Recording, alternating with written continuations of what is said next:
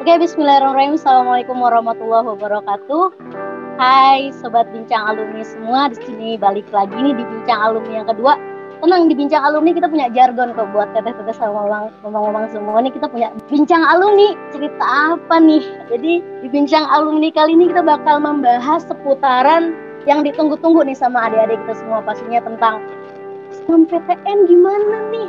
SBMPTN gimana nih dan UM gimana nih? Aduh pasti banyak sekali pertanyaan-pertanyaan yang diberikan oleh adik-adik kita. Tapi sebelum itu, perkenalan dulu nih dari MC-nya, saya Tukau Syari Azmi. Saat ini kegiatan lagi kuliah di Universitas Amikom Purwokerto dan mungkin saat ini lagi ada kerja sedikit sebagai penyiar di Paduka FM. Dan lanjut aja langsung mungkin ke Teh Napa yang paling cantik. Mangga Teh perkenalan dulu.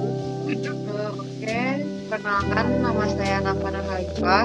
Uh, sekarang saya sedang kuliah S2 di IPB. Luar biasa.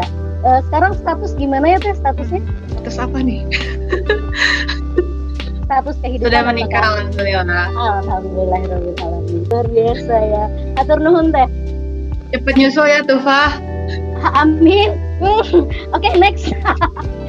Selanjutnya kita ke Mang Ibrahim atau Mang Dalit. Sok mangga diperkenalkan dirinya dulu. Uh, perkenalkan buat saya Tadi Samad saya dari angkatan di Alwain itu angkatan 13 uh, saya juga merupakan alumni dari Universitas Pendidikan Indonesia mana saya menempuh pendidikan administrasi pendidikan.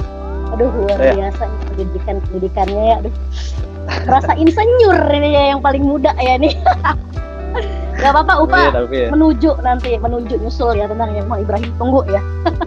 Siap siap Oke, makasih Bang Ibrahim. Selanjutnya ke Teh Resa nih, aduh cantik yang kedua kita. Coba mangga Teh, langsung aja diperkenalkan dirinya. Oke, halo semuanya. Perkenalkan, nama aku Resa Rosanti. Biasa dipanggil Resa atau apa aja lah dipanggilnya. Terus angkatan di Al-Wahid, angkatan 14 sama kayak Nafa. Terus alumni di Unpad, baru lulus kemarin-kemarin. Oke, kegiatan saat ini apa nih teh kegiatannya? Uh, apa ya, bantuin bisnis paling. Oke, buka bisnis ya, kecil-kecilan ya teh ya? Iya, betul. Ya, Mohon doanya juga ya. Amin, Allah amin. Semoga dilancarkan ya teh pastinya. Amin. Langsung aja nih ke pertanyaan pertama nih diberikan kepada Mang Dalit yang paling ganteng ya. Mang, ya, ini ada pertanyaan nih Mang. Gini Mang, Mang, Gimana perbedaan itu? yang paling terasa nih ketika Mang Dalit lulus dari SMA dan ketika kuliah tuh apa sih yang paling terasa, Mang? Mungkin yang paling susah, apa yang paling diingat itu dari transisi dari lulus SMA ke kuliah itu mungkin dari segi lingkungan.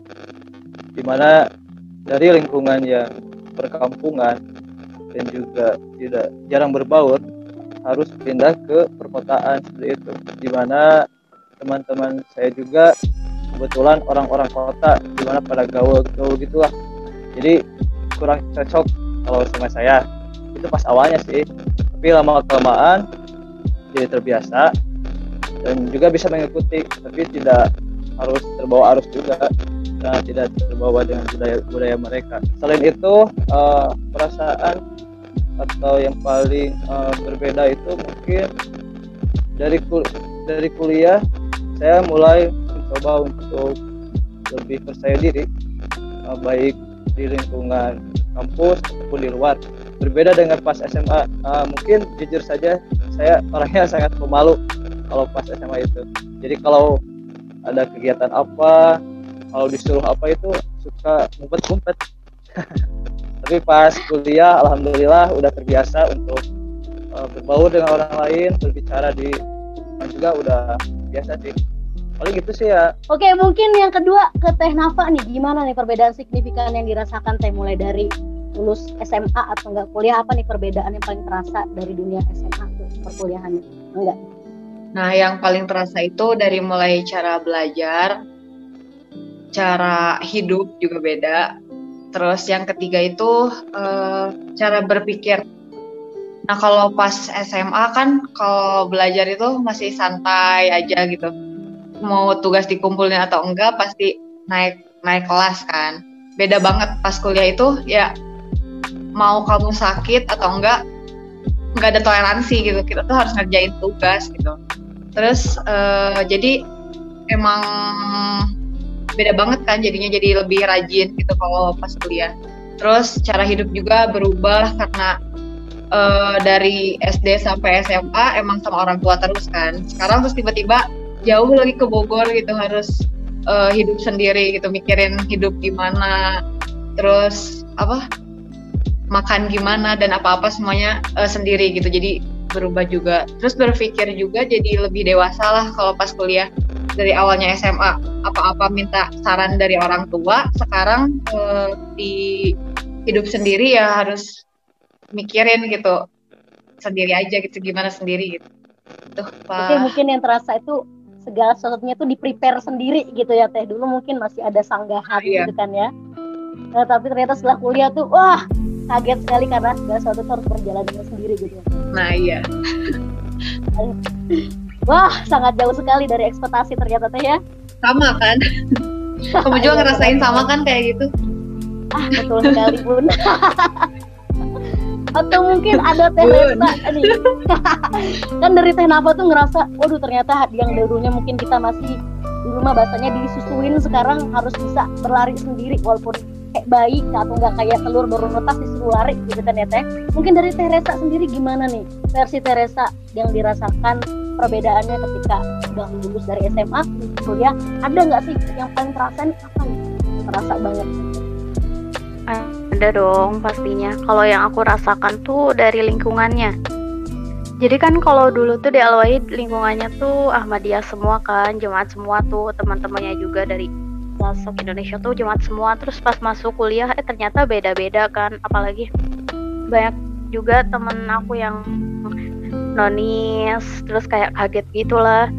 Terus dari pertemanan juga kalau pergaulannya sih hampir sama kayak Adalit yang aku juga kan dulu sempat kok pas awal-awal aku pengen pindah kampus tahun depan nyobain lagi SBMPTN kali ya di Tasik gitu. Sempat mikir kayak gitu kok gara-gara lingkungannya yang gitu uh, apa ya kaget gara-gara dulu kan di Alwahid kayak gimana kayak gitu. Berarti circle-nya itu terkadang membuat maju mundur untuk bisa yakin akhirnya masuk dunia iya. perkuliahan iya. gitu ya iya benar pas awal-awal kayak gitu ngerasa kayak nggak percaya diri juga bisa nggak ya kira-kira gitu kuliah kuliah di sini berteman sama mereka-mereka kayak gitu yang gaul-gaul dari kota-kota kan sedangkan oh, betul sekali gitu Oke, karena mungkin dulu circle pertemanan SMA itu kan masih ngumpul gitu ya Teh mungkin ya. Iya, betul, Dan masih kan masih berkoloni kan kalau dulu. Oh, berkoloni. Tapi ternyata setelah kuliah berpencar gitu dan bahkan cenderung mencari ya. sendiri gitu ya teh ya. Betul betul. Oke, aduh luar biasa sekali ini ya ternyata nggak disangka loh dari tiga orang yang luar biasa ini ternyata bedaan yang dirasakan tuh begitu susah ya ternyata teh ya untuk menuju pada dunia perkuliahan gitu ya teh.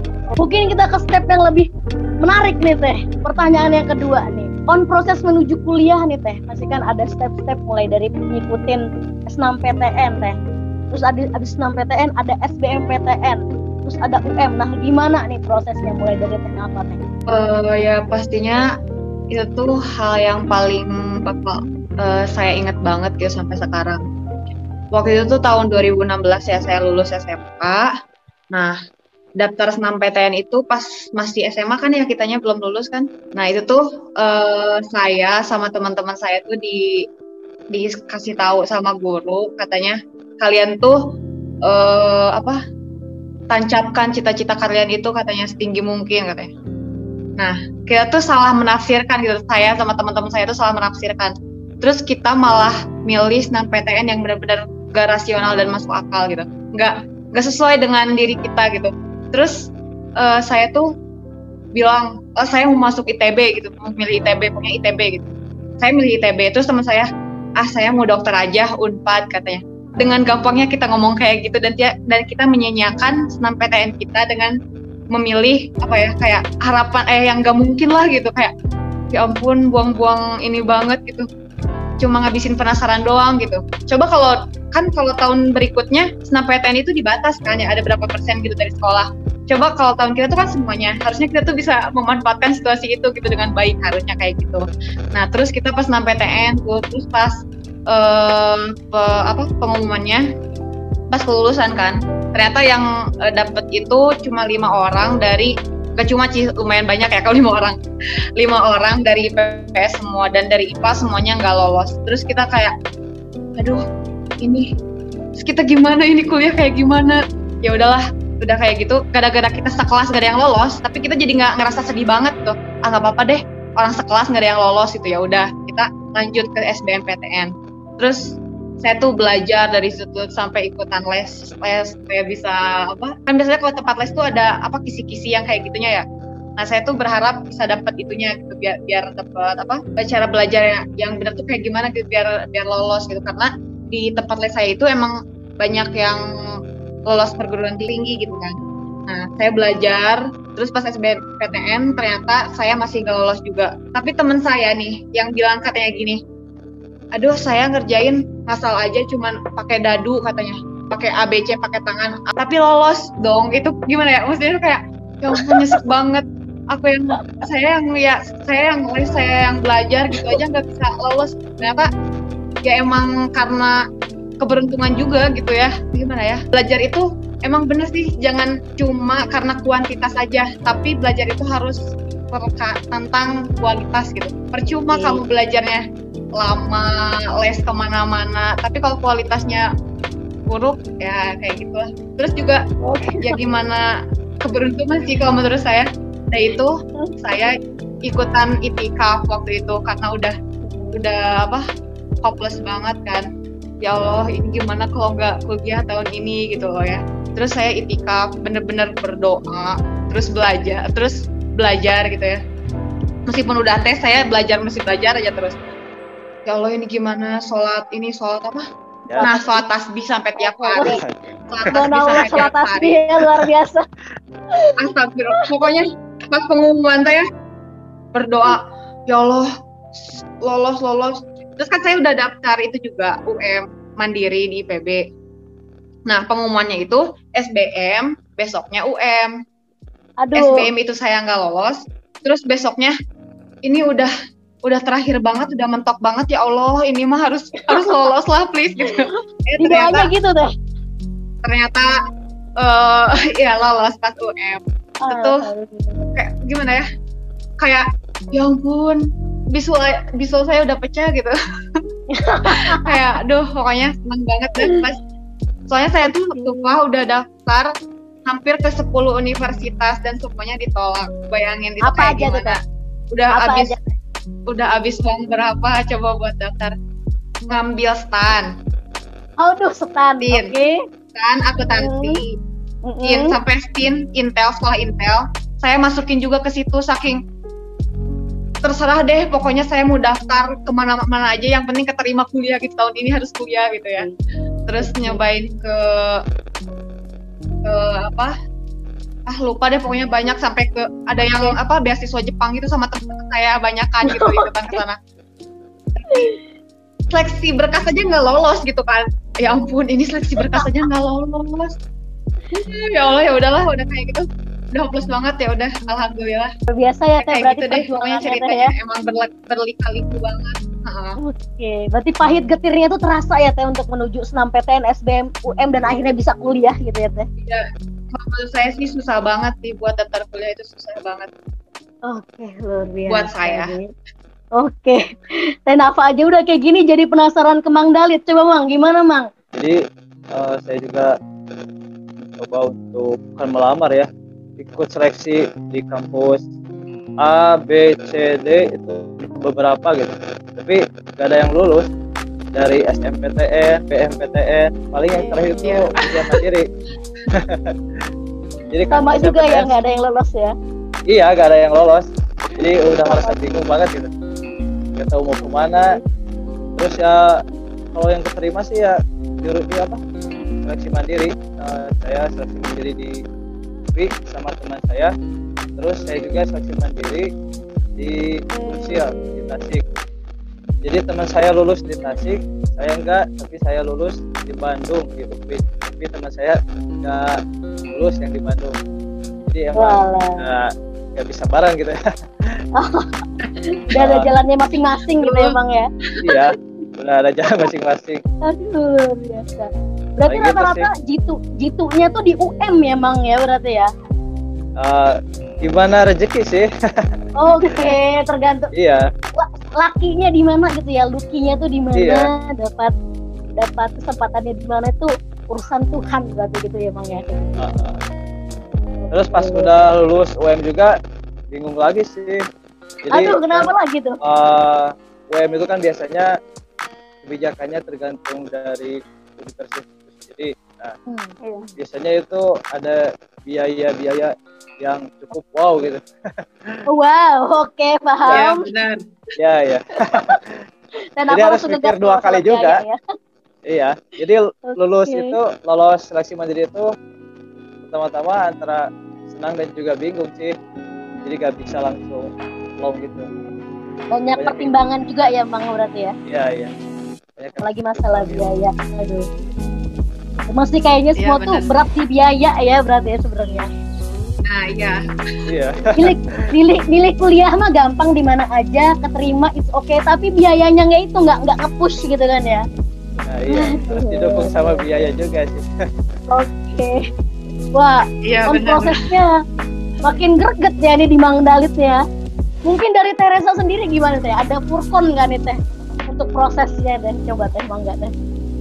Kalau aku dulu kan lolosnya SNMPTN ya, jadi tahapan pertama tuh. Eh, apa ya yang aku persiapkan dulu sih pas SMA-nya kan ada gembar-gembor tuh buat benerin nilai rapot dari semester 1 sampai semester 5 tuh emang bener-bener harus naik gitu kan. Nah aku tuh bener-bener kayak lihat dulu nilai rapot tuh bener mana mana sih yang ada yang turun gak di semester 3 misalnya. Terus di semester 4 nih ada yang turun gimana gimana terus tuh langsung aja lari-lari tuh ke kantor niat banget. Apalagi sama Pak Tony yang susah banget dicarinya Pak Tony itu sampai benerin Iya, benerin nilai aja Iya iya. benerin nilai aja Benar, bener-bener benar, susah sama Tony itu Oke. jadi kayak gitu dari semester 1 sampai semester 5 tuh aku benerin nih rapot lihat bener-bener ada yang turun apa enggaknya soalnya kayak pas hari itu bener-bener dulu kan eh, wali kelas aku tuh kelas 12 nya Pak Syarif ya itu kayak Oke. bener-bener ya katanya dilihat aja dulu dari nilai rapotnya. Semuanya tuh kayak bener-bener persiapan itu buat SNMPTN meskipun kalau kayak SNMPTN tuh ya udah jangan ngarep gitu. Itu kayak apa ya? Kayak main Ya, eh, apa ya pokoknya? Kayak jangan terlalu Iya, benar. ngarep katanya gitu. Ya. SNMPTN juga kan kalaupun pas SNMPTN harus mempersiapkan juga buat SBM katanya. Udah tuh mempersiapkan juga buat itu kayak kayak buat pendaftaran buat belajar belajarnya juga kayak gimana. Terus pas pengumuman juga aku dibukanya bukan sama aku pas pengumuman tuh sama temen malah. Aduh, Terus kenapa tuh aku tuh malah diituin. Katanya emang bener-bener gak berani? Udah kayak ya udahlah langsung daftar aja besoknya buat SBM gitu soalnya emang nggak percaya diri juga kan buat lolos itu SNMPTN terus tiba-tiba ada tiga orang tuh yang udah lolos kan. Dulu tuh temen aku di UI kan Teguh Cima di UI dulu. Terus ada di Unja kan di Universitas Jambi. Wah kata aku tuh pada lolos gitu. Terus sama eh, aku dikasih tahu kan itu ya kata Sandi ke teman aku gitu. Terus katanya bilang gini kalau merah itu nggak lolos ya? Nanyanya gitu iya kata aku tuh gitu. Iya nggak lolos kalau merah. Oh aku merah ya aku gitu dulu kan. Ini kok kamu katanya biru? Oh serius gitu. Tiba-tiba di, Kaget di ya. screenshot kan. Oh ternyata lolos gitu. Itu bener-bener lah sujud syukur. Mama aku bapak aku bener-bener lah pakai juga. Sempet nangis haru juga sih nggak percaya. Oh bener ini terus langsung mikir kan. Eh kuliah di Bandung harus jauh dari orang tua gitu gitu gimana terus aku kan eh, anak tunggal terus mikirnya wah gimana nih pengen ditemenin gitu gitu pas kosnya juga itu sih perjuangannya pas SNMPTN tuh Oke, selama PTN dimulai dengan rasa tidak percaya diri itu mungkin teh ya. Karena Iya. mungkin universitas yang kita pilih juga pada saat itu yang bergengsi ya teh ya. Itu so pasti dong. Bandung Iya. TA-nya bergengsi TA-nya, kemudian Unpad, hmm, nya gitu. Ah, sudah merasa seperti butiran debu atau enggak butiran-butiran Iya, iya. kerupuk gitu yang bisa masuk Iya, gitu kan ya. makanya dulu kayak mikir ya udahlah gitu. Rasa kayak bubuk ranginang gitu. dan ternyata itu ada keberkatan doa Iya, ya ya. Nah, betul. Mantap ya ceritanya. Mungkin kan orang-orang luar sana kan tahunya mungkin kalau misalnya melihat wajahnya Tenapa ketika mungkin ada pertemuan alumni atau enggak terkadang ada sosialisasi kan tahunya kayak wah kayaknya gampang apa ini orang-orang yang smart lah orang-orang yang mudah ketika menghadapi hal seperti itu mulai dari senam PTN, SBMPTN kayak kayak memang udah jargo nah gitunya udah jago anak gitunya ternyata guys hey Alwahidians di balik itu semua ada cerita-cerita yang menarik ya. Mulai dari Teh yang begitu dengan ribu doanya kan ya. Dengan Mang Dalit dengan kekuatan kebingungannya kan gitu ya. Dan Teresa dengan kekuatan ketidakpercaya diriannya. Dan ternyata serbuk-serbuk keberkatan dari Al Wahid bisa masuk juga di Unpad S6 PTN ya. Luar biasa pastinya tips dan trik nih bisa lulus jalur senam PTN, SBMPTN atau M apa sih yang bisa dipersiapkan dari adik-adik kita nih? Saya coba tahu dari Teresa mungkin yang paling dari tadi terakhir mulu gitu ditanyaannya mangga teh Kalau apa ya tips and trick dari aku yang pertama tuh kenali dulu deh passion kalian. Jadi kalau misalnya udah tahu passion sama minat diri kalian itu, kita benar-benar pengen mendalami sesuatu, mendalami sesuatu itu eh, sesuai dengan hati kita gitu. Karena kalau misalnya apa apa yang kita pengen tuh, jadi kita nyari tahu terus menggali menggali sampai kita tuh eh, apa ya selalu haus akan eh, pengetahuan gitu.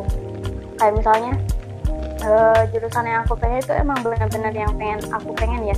Jadi di luar tuh pasti aku pengen nyari tahu tentang itu, terus nyari buku, nyari apa pertemanan juga kayak gitu. Itu tuh benar-benar ngaruh sih menurut aku. Terus apalagi ya berdoa juga itu paling penting. Kirim surat deh ke Uzur benar-benar itu eh, sangat-sangat eh, ngaruh. Terus doa orang tua juga ridho orang tua tuh benar-benar deh. Jadi jadi benar-benar deh ridho orang tua juga itu sangat berpengaruh. oke berarti kalau misalnya ada yang masih kurang diperbaiki dari sekarang ya teh masih ada waktu Iya. gitu ya Betul, betul. Jadi nggak ke apa ya? Nggak ke keteran buru-buru. gitu deh Iya betul. kalau dari Mang Dalit sendiri nih gimana nih Mang ada nggak nih tips and trick bisa mungkin dari sekarang terus lebih persiapkan lagi mulai searching terus baca tentang perguruan tinggi Ah, mungkin menurut saya minimal itu dari kelas 2 ya harus mulai dipikirkan. Jadi jangan terlalu mendadak kelas 3 soalnya itu akan menguras pikiran juga kalau mendadak itu jadi bingung depannya mau gimana. Mungkin untuk bukan tips ya. Mungkin gambaran ya gimana ke depannya untuk mencoba memilih uh, perguruan tinggi negeri maupun swasta. Yang pertama mungkin strateginya kalian harus mulai mencari atau mendalami sebuah bidang ilmu yang kalian sukai. Misalkan bidang ilmu itu ada bidang ilmu hukum medis ataupun yang lainnya. Sudah itu apabila kalian sudah menemukan bidang ilmu apa yang kamu dalami yang selanjutnya yaitu menentukan jurusannya atau prodi.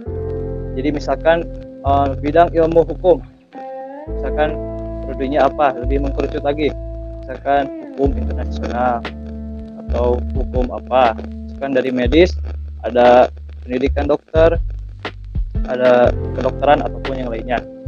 Setelah itu kalian bisa mulai men-searching atau mencari-cari mengenai eh, kampus apa nih? Baik negeri maupun swasta yang menyediakan prodi atau jurusan yang kamu inginkan jadi kalian bisa menggali lagi lebih dalam setelah itu kalian bisa eh, melihat atau mencari peluang dari seleksi atau jalur seleksi yang diselenggarakan baik itu dari SNPTN, BMPTN ataupun seleksi mandiri. Kalau SNPTN jangan terlalu berharap ya karena itu merupakan sebuah pertaruhan. Jadi bukan sebuah yang menjanjikan seperti itu. Eh, biar gak kena PHP juga. Jadi SNPTN itu eh, yang pertama kalian coba lihat peluangnya gimana. Mungkin saksi mandiri juga banyak jenis-jenisnya baik dari di UPI di IPB di UGM atau UI itu beda-beda ya. Kebijakannya jadwal seleksinya termasuk biayanya juga sangat beda-beda. Nah, yang yang paling ini sih uh, cari peluang.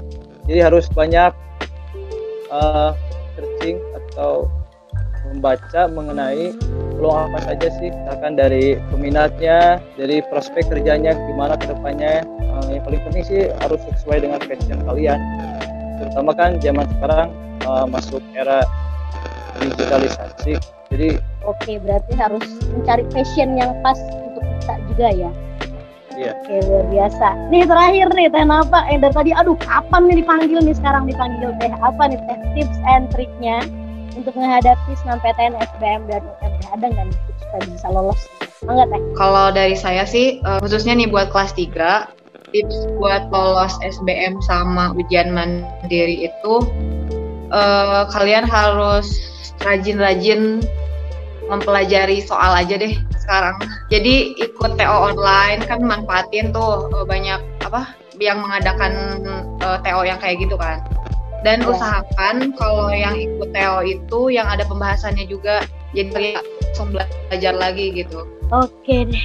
Udah nggak bisa berkata-kata lagi kan emang untuk menuju apa yang diinginkan itu kan pasti ada dulu proses jatuh bangkitnya dulu ya teh ya Mang Ibrahim juga teh Resa karena sesuatu itu emang harus dijalankan dan juga dikejar dengan jari payah karena nggak ada sesuatu yang instan pastinya kan seperti itu ya kalau nggak bisa tahun ini mencoba gapir dan dicoba lagi terus aja seperti itu untuk mendapatkan hasil yang diinginkan pastinya seperti itu ya. Ini ada pertanyaan yang terakhir. Apa nih pesan semangat buat adik-adik kita di Alwait yang kelas 12 mungkin atau yang kelas 11 yang sebentar lagi? Pasti bakal menghadapi ujian-ujian. Ada nggak nih buat adik-adik yang mau lulus berarti ya yang mau kuliah atau kerja eh jalani aja hidup kalian sesuai apa yang kalian inginkan. Nanti juga Allah bakalan nolong kok. Pokoknya semangat. Apa yang kalian pengen kejar. SPJ ya singkat padat dan jelas sekali jelas jelas wah ada bibit-bibit calon istri mau balik sepertinya. Ups keceplosan mangga Kang Ibrahim. Pada gimana nih Kang? Uh, mungkin untuk pesan dari saya untuk adik-adik tercinta yang mau kuliah ataupun mau kerja ataupun mau pergi ke dunia yang sesungguhnya. Uh, yang pertama mungkin kalian harus tetap semangat karena kita dalam masa pandemi seperti ini mungkin cukup berat ya untuk dijalani. Apalagi kita belum terbiasa dengan cara-cara pembelajaran ataupun metode online ataupun apa ya jadi masih dalam masa transisi uh, kalian harus tetap semangat uh, kejar cita-cita kalian impian kalian terutama untuk membanggakan orang-orang di orang-orang terdekat sama kedua orang tua kalian. Uh, jadi harus lebih banyak dipersiapkan dari sekarang. Jangan uh, menunggu sukses itu jangan ditunggu. Jadi kalian harus supaya impian kalian itu tetap bisa didapatkan. Luar biasa Mang dari tadi pas ngomong adik-adik tercinta langsung eh baper jadinya upaya mendengar tercinta itu kayak terasa banget untuk seluruh umat alam semesta gitu kan ya. Mungkin dan apa nih terakhir nih harap semoga yang manis-manis ya berkata Ten apa ya. Coba Ten apa apa nih pesan-pesan hangat dan pesan semangat buat adik-adik kita nih? Uh, Al-Wahid itu sekolah yang dipenuhi keberkatan. Kita tuh nggak usah khawatir uh, nanti kita bakal sekolah di mana kita bakal jadi apa. Karena di Al-Wahid itu doa itu mengalir dari mana-mana. Terus uh, Allah juga gak mungkin lah menjadikan patah hati itu berujung kesedihan karena kita nggak ngedapetin apa yang kita inginkan. Justru Allah itu akan menggantikan apa yang kita inginkan itu dengan apa yang kita butuhkan nanti. Semangat! Aduh, aduh, aduh, luar biasa. Luar biasa tiga orang yang sangat luar biasa. Dan kita tidak pernah tahu gitu, Teh. Dan Bang Dalit mungkin nggak pernah tahu adik-adik kita saat ini menghadapi kesulitan atau seperti apa. Dan membutuhkan wadah untuk bertanya. Nah, ini tadi pertanyaannya yang kayaknya nih di luar narasi, tapi nggak apa-apa nih. kalau misalnya ada adik-adik kita yang kesulitan atau mau bertanya-tanya tentang dunia perkuliahan atau mungkin mau bertanya tentang IPB, Unpad atau enggak UPI, boleh nggak nih teh? Mang, kira-kiranya untuk menghubungi teteh atau amang-amang mungkin bisa lewat Instagram atau WhatsApp, mungkin bisa dikasih tahu boleh apa enggaknya nih harus minta izin dulu. Ntar tiba-tiba Mang Dalit banyak banget yang ngechat kan tentang-tentang oh, ganteng gitu kan langsung cewek-cewek ber gitu. ah, ya, ajang promosi gitu ya. Bisa. Cukup Ufa aja yang nge-DM gitu. Aduh kan kecepatan. Waduh. Aduh, bahaya deh. Boleh nggak nih? Boleh nggak? Aduh, modusnya dapet ya teh. Tolong ditandain. boleh nggak nih kira-kira teh? Ah, boleh nggak? Boleh, Boleh oh, banget, boleh. boleh banget. Boleh Boleh banget. banget. Kita sangat welcome untuk adik-adik kita yang ada di Al-Wahid. Iya, betul. welcome banget ya berarti teh untuk bisa membantu satu sama lain pastinya ya. Iya, sangat sangat. Oke, mungkin kalau lewat Instagram bisa lewat mana teh? Kenapa? Coba Instagramnya apa kenapa? Eh, Nafanukha. Kenapa Nuka ya? N A F Nuka. A N U K H A. Wah, Nafa Nuka gitu ya.